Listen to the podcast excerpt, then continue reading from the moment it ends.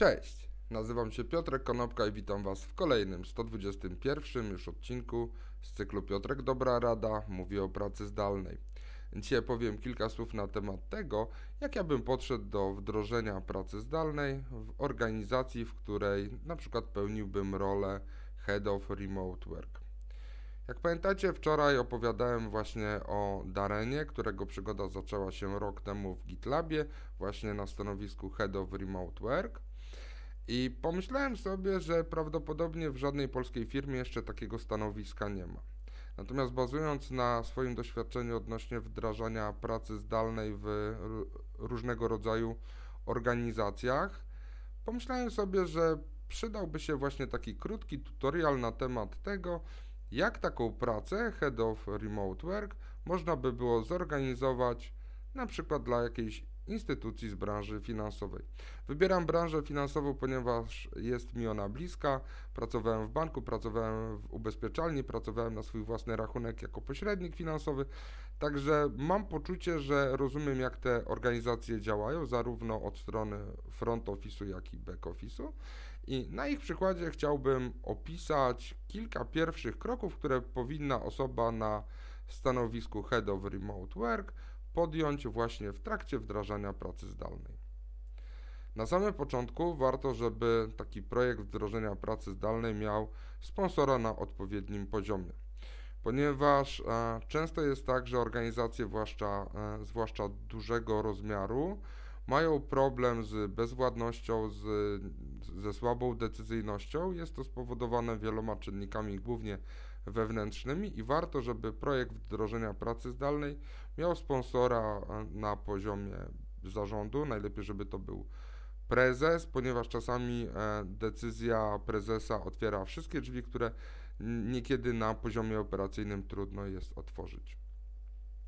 Warto, żeby osoba e, odpowiedzialna za wdrożenie pracy zdalnej znajdowała się również mniej więcej na poziomie zarządu, żeby e, była na przykład członkiem zarządu, być może nawet tymczasowym, żeby to była osoba odpowiedzialna za e, wielosektorowość w tym na przykład banku, ponieważ wdrożenie pracy zdalnej będzie dotyczyło kwestii zarówno osobowych, jak i administracyjnych, procesowych czy informatycznych.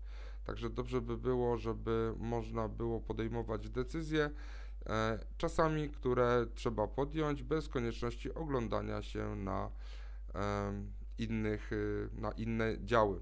Oczywiście to nie może być tak, że ten proces będzie wdrożony całkowicie despotycznie, bo to nie o to chodzi. Natomiast y, wiedza na temat tego, jak zdalność a stacjonarność się różnią, e, nie pozwala osobom, które do tej pory pracowały w wariancie stacjonarnym, nie pozwala im podjąć prawidłowych czy odpowiednich decyzji związanych z wdrożeniem pracy zdalnej. Czyli jeżeli już mamy sponsora, mamy odpowiednią strukturę, to według mnie pierwszymi dwoma krokami to powinno być najpierw sprawdzenie stanu istniejącego i to zajmie chwilę, jak i wyznaczenie kierunku, w którym będziemy iść, czyli ustalenie celu i strategii dojścia do tego celu. Jeżeli mówimy o celu, to pamiętajmy, że cele powinny być niech będzie w najprostszym modelu ustrukturyzowane w postaci e, celu typu SMART, czyli e, jasno określone, mierzalne, realistyczne, atrakcyjne i określone w czasie. E, Dodatkowo powinna być do tego celu narysowana ścieżka dojścia, czyli jeżeli mamy stan początkowy i to jest właśnie ten stan początkowy będzie wynikał z analizy i mamy stan docelowy, cel do którego dążymy, to po drodze oczywiście będziemy mieli całą ścieżkę dojścia, będą odpowiednie kamienie milowe i tak dalej, i tak dalej. Ale jeżeli mówimy o analizie stanu obecnego, to dwie najważniejsze cechy, które należy przeanalizować, to są zakresy obowiązków wszystkich pracowników w danej jednostce organizacyjnej, tak żeby sprawdzić, jak wygląda praca stacjonarna i z czego ci pracownicy są rozliczani, i ewentualnie już zaproponowanie pierwszych rozwiązań, które pozwolą tych pracowników przesunąć na stałe do pracy zdalnej.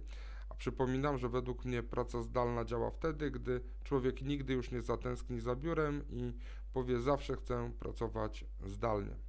Czyli mamy pierwszy krok, analiza zakresu obowiązków.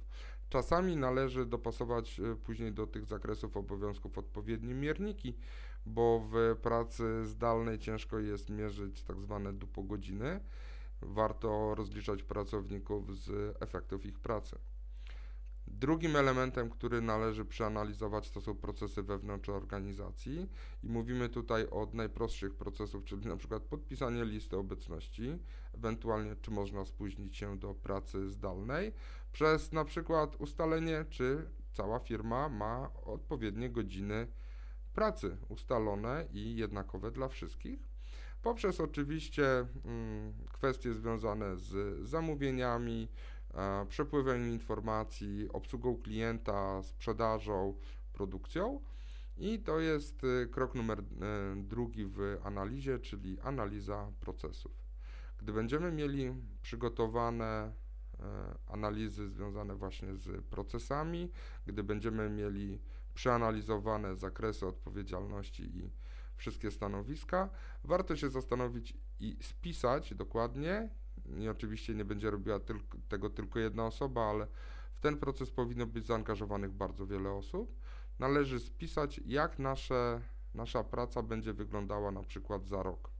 Ja, do czego dążymy, jak te procesy powinny wyglądać, jak powinny wyglądać zakresy naszych obowiązków. A na samym końcu to tak naprawdę jest tylko wdrożenie. To znaczy codzienne pilnowanie, codzienne wspieranie, coachowanie, szkolenie ludzi, przypominanie i tak naprawdę budowanie nawyków całej organizacji, wszystkich jej składników a, po kolei, tak żeby ludzie wiedzieli, co muszą zrobić na początku pracy, co muszą zrobić w drugiej godzinie pracy, jak komunikować się ze swoim zespołem i jak obsługiwać klientów. Ta część wdrożeniowa zajmie, przypuszczam, bardzo dużo czasu, ponieważ zbudowanie nawyków jest jednym z najtrudniejszych rzeczy, które są w, u człowieka. I jeżeli nie będziemy umieli zbudować nawyku u każdego z pracowników z osobna, to ciężko nam będzie zbudować nawyk i e, wdrożyć wszystkie procesy w, e, w całej organizacji, tak żeby na samym końcu powstała kultura organizacyjna oparta o pracę zdalną. Jeżeli potrzebujecie wsparcia, jak wdrożyć pracę zdalną u siebie w firmie, odezwijcie się. To nie jest tak, że jesteście pozostawieni sami sobie. Jest w tym kraju kilka, kilkanaście osób, które umieją powiedzieć coś więcej o pracy zdalnej, także z praktycznym podejściem do tego zagadnienia. Dzięki serdeczne, do zobaczenia i usłyszenia jutro. Na razie.